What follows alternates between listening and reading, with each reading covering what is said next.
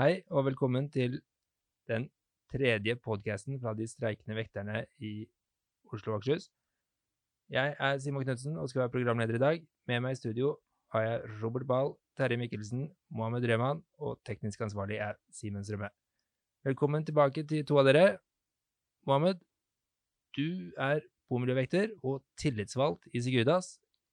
Men hvordan var det du kom inn i vekteryrket?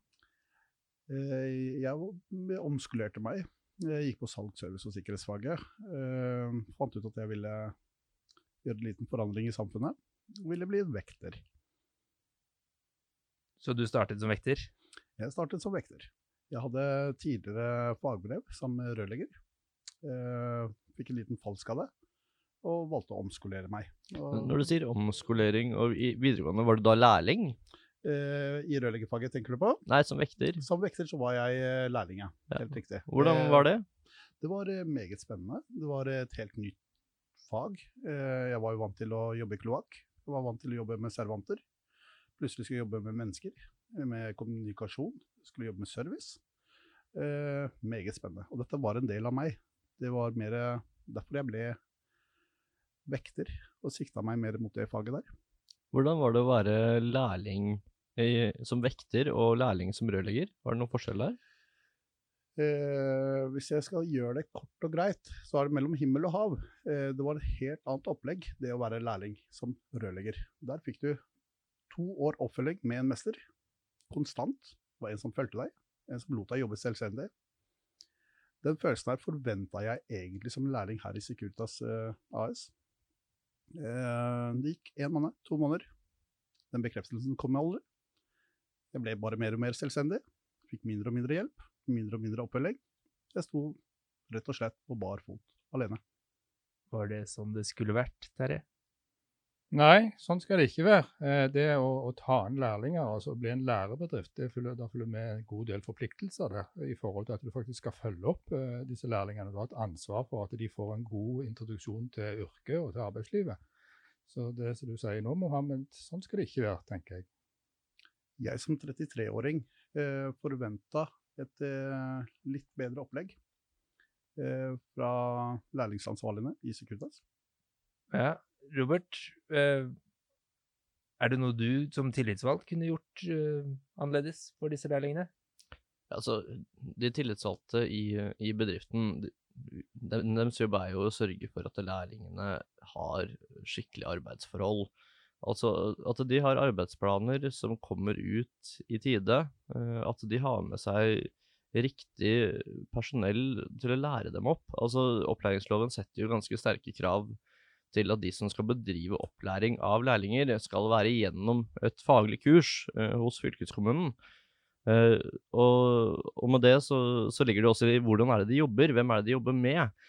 Så en lærling skal ikke bli kasta ut aleine eh, på natta, eh, eller på et kjøpesenter eller på et objekt. De, de skal faktisk vite hvem er det de skal forholde seg til på det stedet de kommer. Det skal være godt egnet personell eh, som kan ivareta opplæringsløpet. De, de må jo for, også for så vidt ha en forståelse av opplæringsplanen til den enkelte lærling, sånn at de vet hvor i løpet er det de står.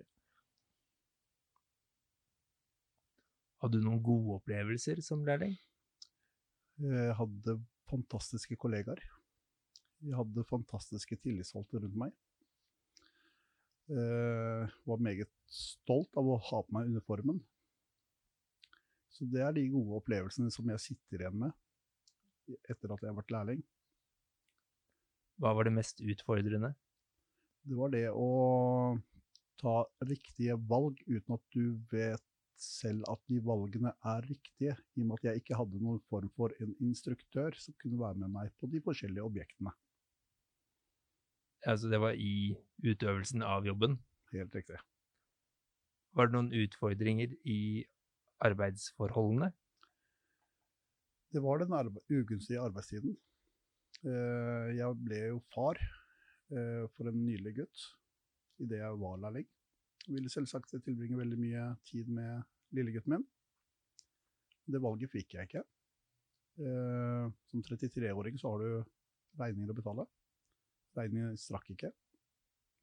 Så jeg var på en måte ufrivillig tvunget til å jobbe natt for 85 kroner. Som kunne gi meg nesten 3000 kroner mer å rutte med i måneden. Det var det som knakk meg som en læring. Økonomien og oppfølgingen og nattarbeidene. Når du sier knakk, betyr det at du har eller ikke har fagbrev den dag i dag?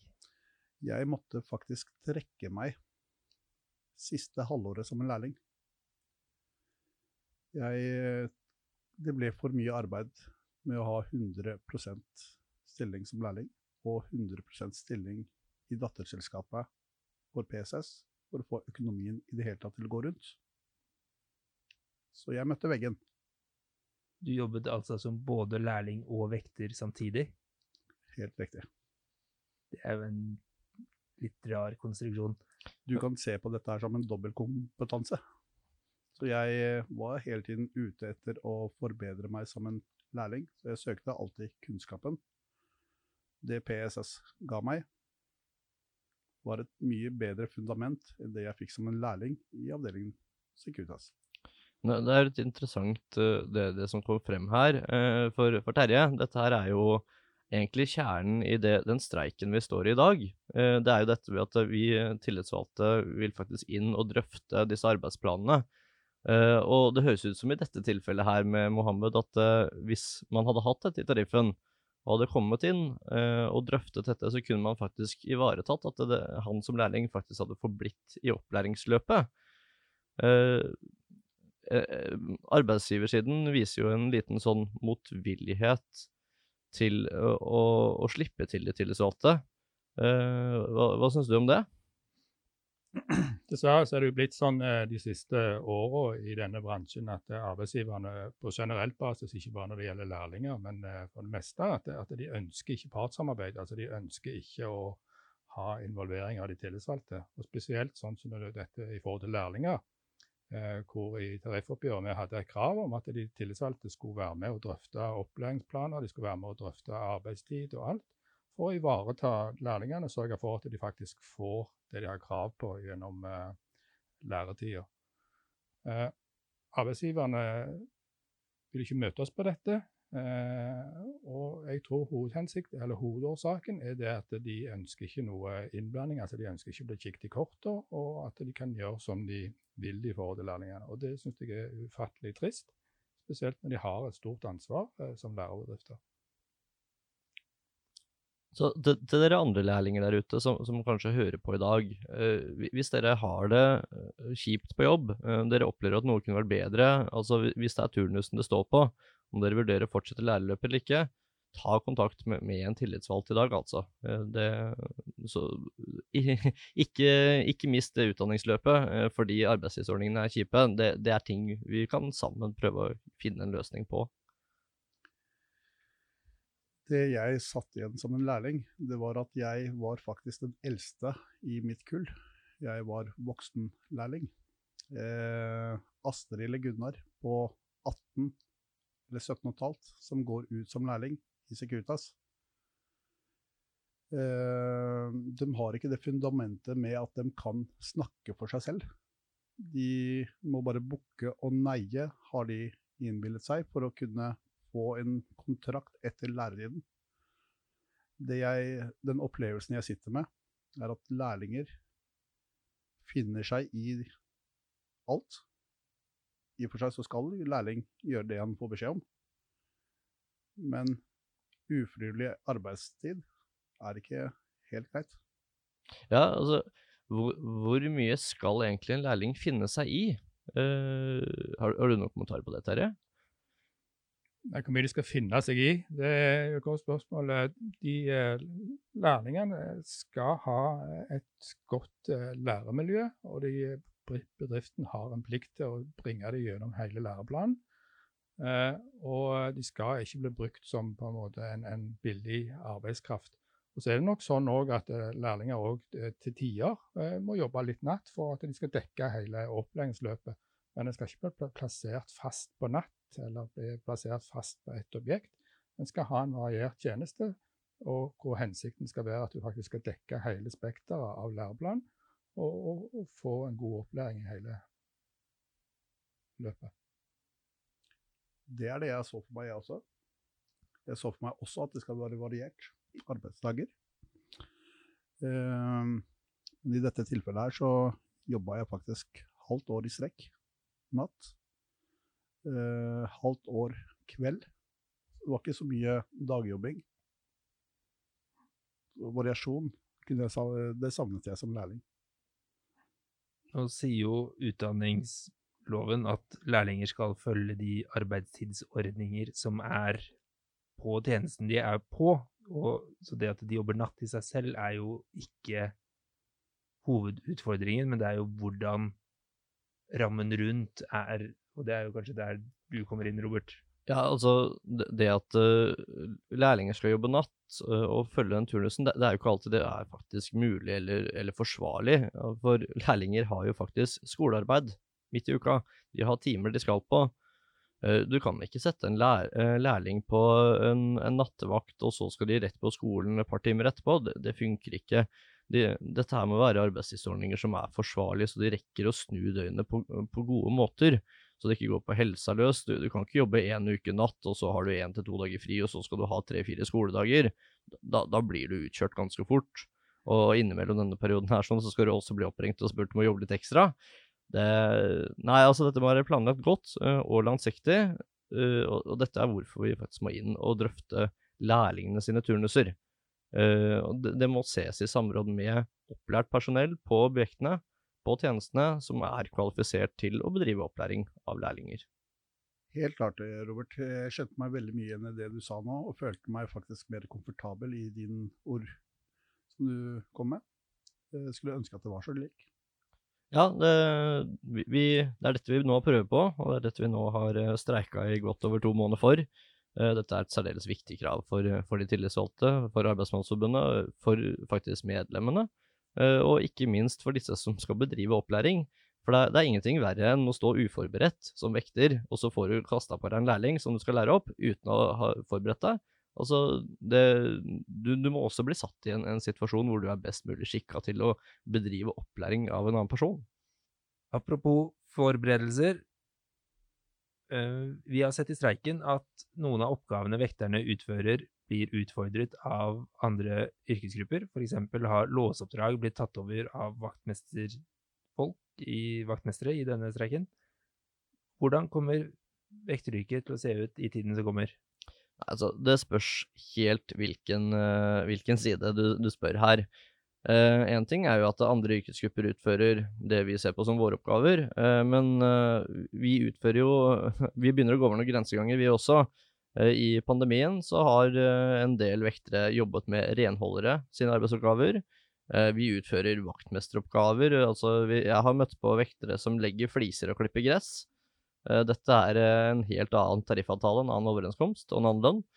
Så vi, vi må være litt forsiktige med å, å, gå over disse grensegangene, sånn at uh, yrkene forblir de yrkene det faktisk er. Og her har både bedriftene og, kunne et ansvar, og ikke minst så må, så må vekterne si ifra når de føler seg ukomfortable uh, med dette her sånn. Dette kan jeg bekrefte. Uh, nå har jeg jobbet på mange forskjellige objekter der jeg ser at vektere får til og med tilbud om å bli vaktmestere på objektet.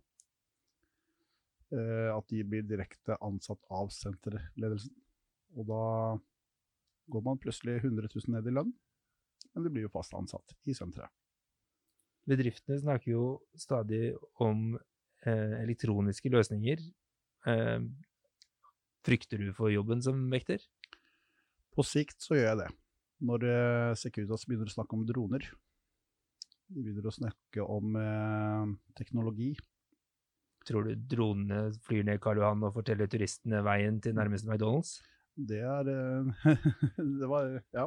Eh, det hadde nei, vært ganske heftig. det, hadde, det, hadde, vært heftig, altså. Men eh, som droner generelt kan jo brukes til veldig mye rart. Både på flyplass, overvåking. Men jeg tror, jeg tror nok litt eh, jeg, jeg, har jo vært med en god del år, for å si det sånn. Eh, og dette teknologispøkelset så har, det har på en måte ligget over oss i 20-25 år. Eh, med at eh, vekterne kommer til å bli erstatta av all form for teknologi og sånn. Men det er én ting teknologien aldri kan erstatte. Det var noe som du snakket om tidligere. om Dette med interaksjon mellom mennesker. Altså den serviceoppgaven og sånt, og det kommer aldri til å forsvinne. En, en drone kan ikke erstatte en samtale mellom en vekter og en som sliter litt, eller en som trenger hjelp til noe og sånt. Så jeg tror nok vekteryrket kommer til å bestå eh, i ubeskrivelig lang framtid, for å si det sånt. Eh, men kanskje innholdet vil eh, forandre seg litt, og at det kanskje det blir litt mer eh, differensiert i forskjellige oppgavene. At noen vil jobbe kanskje litt mer med forskjellige typer på teknologi. Men grunnelementet, det med kontakt mellom mennesker, det tror jeg kommer til å bestå hele veien. Men, men hva tenker vi rundt, rundt, dette her med service? Altså, vi hører jo arbeidsgiverne alltid kaste ordet servicemedarbeider i, i potten. De vil ha servicemedarbeidere. Uh, Terje, du representerer jo forbundet som uh, organiserer vaktmestere, renholdere og vektere, uh, hvor egentlig man vil at vektere skal inneha alle de tre rollene. Hva, hva syns vi om det? Ja, Du glemte en som representerer Vi har jo òg en egen serviceoverenskomst, for å si det sånn. Ja. og, og, nå begynner vi å snakke litt tariff, og litt hva som egentlig hva er det egentlig motivet bak disse tingene som skjer, og det er penger. for å si det sånt. Eh, de forskjellige overenskomstene har forskjellig verdi. altså er, Noen er mer kostbare enn andre. Så vi har sett de siste åra at eh, spesielt vaktselskapene, det syns jeg er forferdelig trist, uh, oppretter egne serviceselskaper for å flytte det ut av lov om vaktvirksomhet og få det over på en billigere overenskomst, den såkalte serviceoverenskomsten. Og det tenker jeg er litt som å pisse i buksa fra selskapene sin side, for at det gir kanskje en kortsiktig gevinst.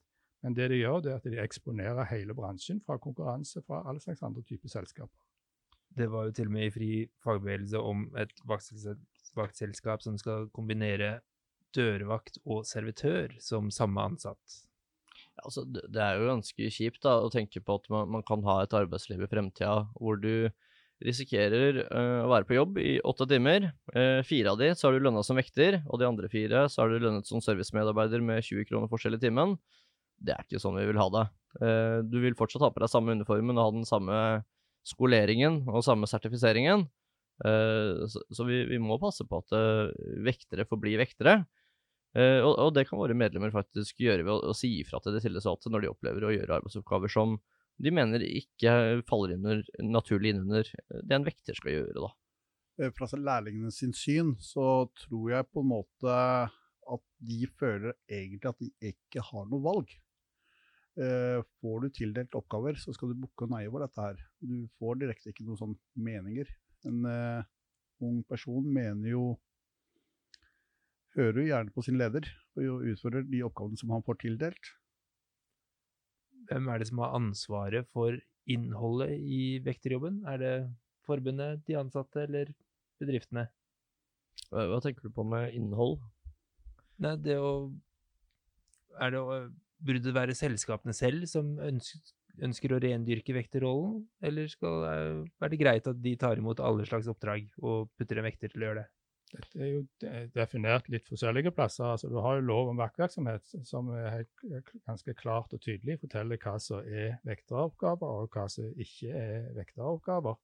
Eh, og Samtidig når vi snakker om det med utdanningsløpet i forhold til lærlinger, og sånt, så er det fastsatt av Utdanningsdirektoratet i læreplaner som, som, som ligger der. Og Forbundet er jo aktivt deltakende både i eh, faglige råd i Utdanningsdirektoratet holder på i disse dager å revidere læreplanene for eh, både VG2 og VG3 i, i vekterfaget. Og vi sitter òg i fagrådet i, under Politidirektoratet i forhold til det som går på loven. Så vi er aktivt med i, i det løpende arbeidet, og vi har òg vært en pådriver både for å få innført fagbrevet og få innført loven i sin tid. Så er det, er det jo også sånn at uh, hvis et selskap er kreativt og lager en ny manuell tjeneste, så må det faktisk drøftes med de tillitsvalgte.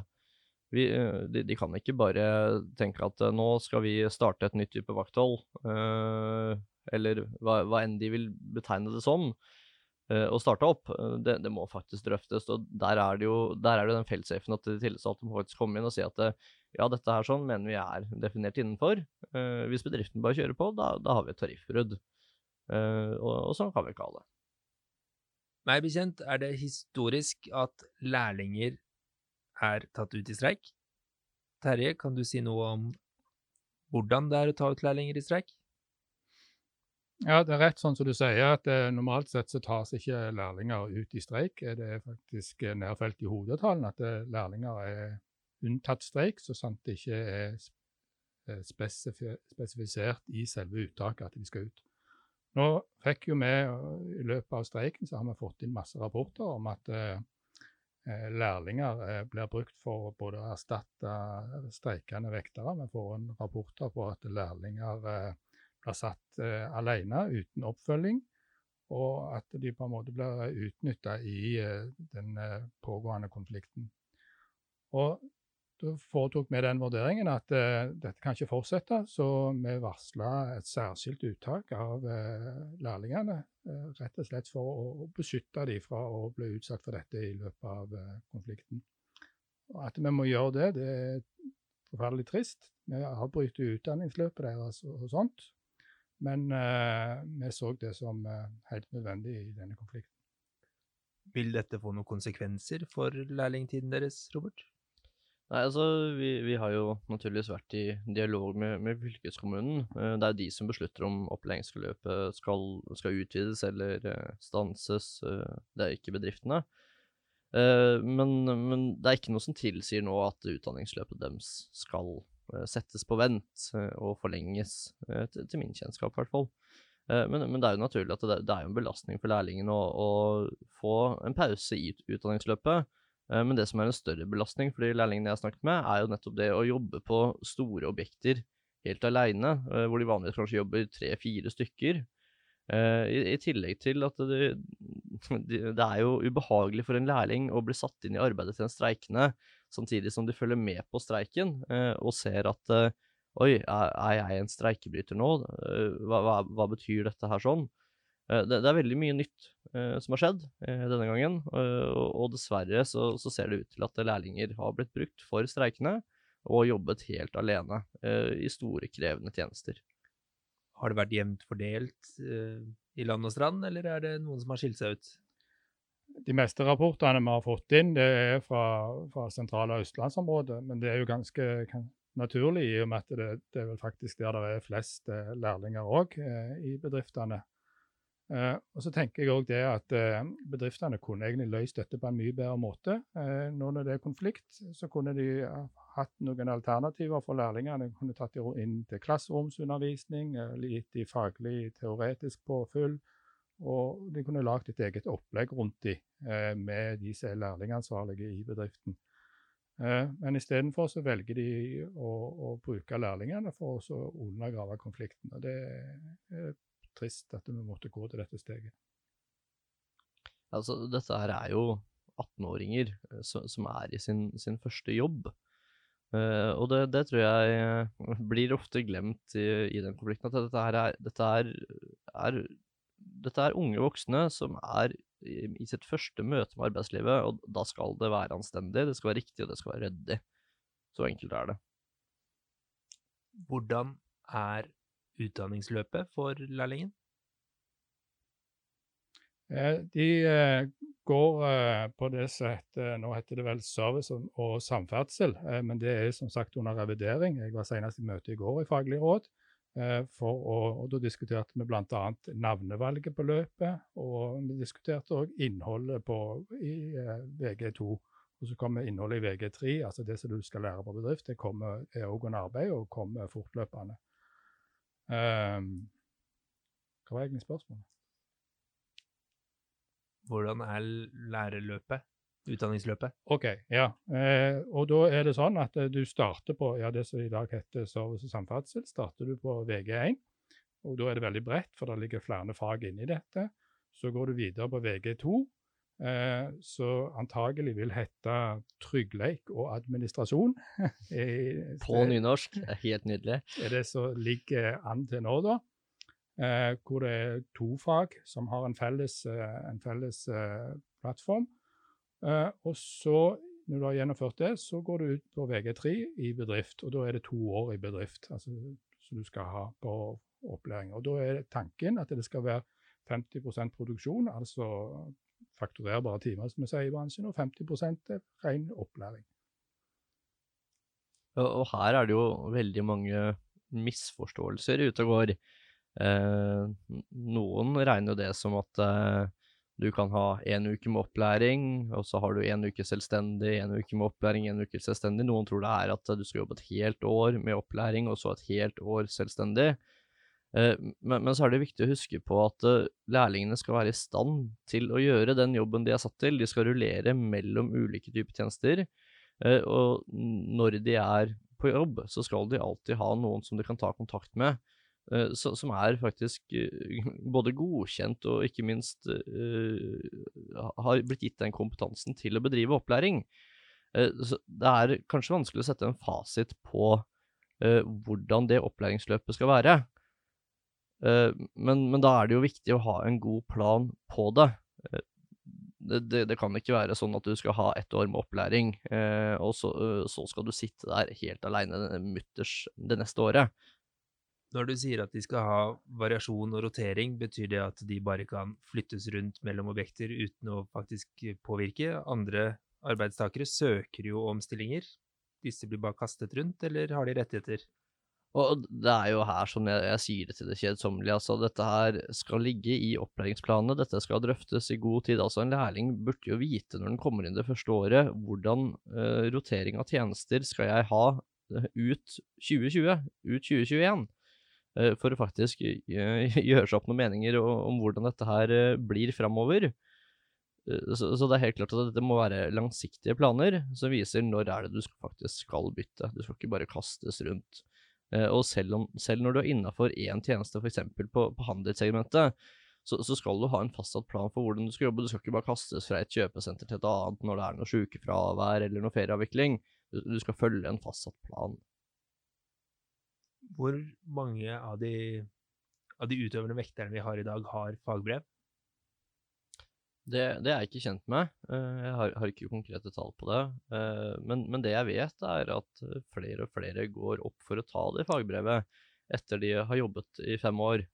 Eh, og for å komme med litt reklame da, til, til, våre medlemmer som hører der ute, så, så er det jo slik at Arbeidsmannsforbundet vi tilbyr gratis kurs for våre medlemmer for å nettopp kunne ta dette fagbrevet og få denne lønnsøkningen og den dokumenterbare kompetansen. Uh, dette finner du inn på Arbeidsmandsforbundet sine sider. Uh, eller så ta kontakt med tillitsvalgt, og så vil vi hjelpe deg til å finne et kurs som passer for deg. Ja, og så har jeg litt tall. Eh, altså, det som er, Vi ser en økning, har sett en økning spesielt de siste fire-fem åra, på hvor mange av de utbetalte timene som faktisk er med fagbrev. Og vi begynner å snakke om opp igjen 15 per i dag som, som har fagbrev. Og Det er egentlig veldig bra, for at det fikk en veldig trang start. Det skjedde veldig lite til å begynne med. De som gikk opp, det var i all hovedsak praksiskandidater, men vi ser nå at nå er det mer og mer eh, lærlinger. Så må jeg kunne si det òg for historiens skyld, at uh, vi var jo i ferd her for tre år siden med å miste hele uh, fagbrevet i bransjen på bakgrunn av at uh, bedriftene tok ikke inn lærlinger. Og når det nye fagtilbudet ble lagt fram av regjeringa her for det var to-tre år siden, så var det foreslått å legge ned eh, vekterfaget. Eh, da gjorde vi et godt stykke arbeid sammen med NHO Service, fagpersonen der, Runar Karlsen, og protesterte på dette og sendte inn eh, høring, høringssvar til departementet. Eh, og klarte faktisk å snu eh, sånn at eh, fagbrevet besto. Men det er òg et sterkt signal til bransjen om at de må, hvis de skal være eh, et, et, et, et eh, fag under lov om fagopplæring, så må de ta dette med lærlinger på alvor, og de må ta inn lærlinger og behandle dem ordentlig. Hva er forskjellen på en vekter med og uten fagbrev? 9,50. Der kom den lyden. Helt nydelig. Nei, altså, forskjellen mellom uh, en med fagbrev og uten er jo allsidigheten av hva man kanskje har vært gjennom som vekter. Uh, som lærling så er du, eller skal du være innom alle typer tjenester, uh, og du har jobbet på en, en stor drøss med objekter. Men kanskje den, viktigste delen å trekke frem er jo den teoretiske opplæringen du har vært gjennom. Du, du, har vært gjennom teoretisk opplæring på hvordan å risikovurdere eh, sårbare og kritiske objekter, og hvilken infrastruktur eh, du trenger for å kunne opprettholde et godt sikkerhetsnivå hos den type kunder. Det, det er et poeng jeg vil, vil trekke frem der, da. Så gir det jo en, en formalkompetanse som er kjekt å ha for den enkelte vekter. At du faktisk har en formell kompetanse så du kan bruke videre i arbeidslivet hvis du ønsker f.eks. å videreutdanne deg eller et eller annet sånt. Så det gir jo en, en god trygghet å faktisk ha fagbrev. Ja, og, og hvis du da også ser på uh, at du faktisk kanskje vurderer deg ut av uh, som, som, vekter, da, men vil fortsatt bruke fagbrevet ditt til noe utenfor vekteryrket, så er det jo det å f.eks. begynne i, i et, en driftsavdeling i et eiendomsselskap. Og faktisk begynne å jobbe som sikkerhetssjef og den type ting, som vil være relevant selv utenfor selve vekterbransjen. da. Det var alt vi rakk denne gangen. Takk til dere som var i studio. Takk til Simen Strømme for mye framtidig arbeid med redigering. Husk å spre podkasten til alle de som ikke har hørt den før, og vi høres snart igjen.